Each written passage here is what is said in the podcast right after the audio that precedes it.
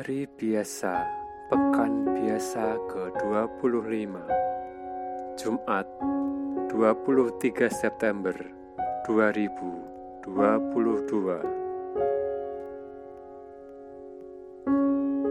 Bacaan pertama diambil dari Kitab Pengkhotbah bab 3 ayat 1 sampai dengan 11 Untuk segala sesuatu. Ada waktunya. Untuk apa pun di bawah langit ada masanya.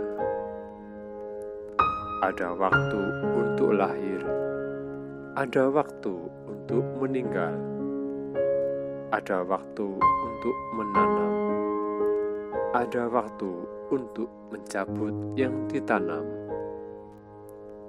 ada waktu untuk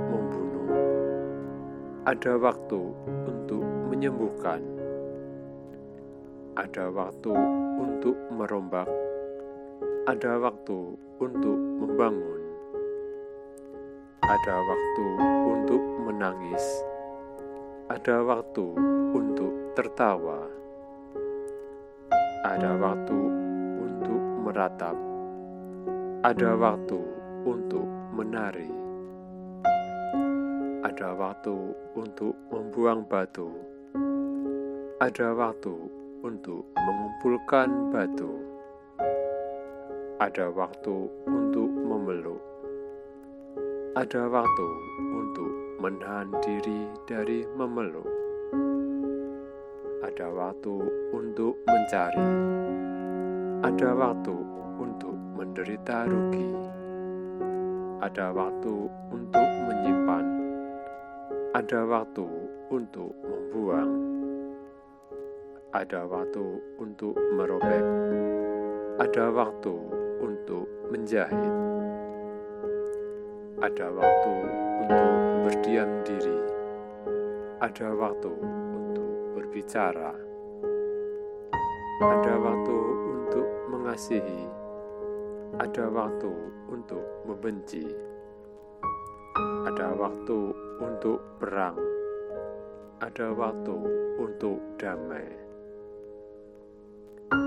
Apakah untung seorang pekerja dari yang dikerjakannya dengan jerih payah? Aku telah melihat pekerjaan yang diberikan Allah kepada anak-anak manusia untuk melelahkan dirinya Allah membuat segala sesuatu indah pada waktunya. Bahkan, Ia memberikan kekekalan dalam hati mereka. Tetapi, manusia tidak dapat menyelami pekerjaan yang dilakukan Allah dari awal sampai akhir. Demikianlah Sabda Tuhan.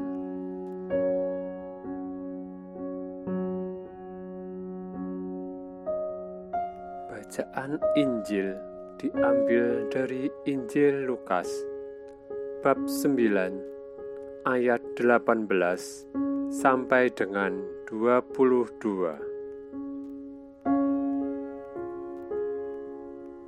Pada suatu ketika, Yesus sedang berdoa seorang diri. Maka datanglah murid-muridnya kepadanya. Lalu Yesus bertanya kepada mereka, "Kata orang banyak, siapakah aku ini?" Mereka menjawab, "Yohanes Pembaptis." Ada juga yang mengatakan Elia.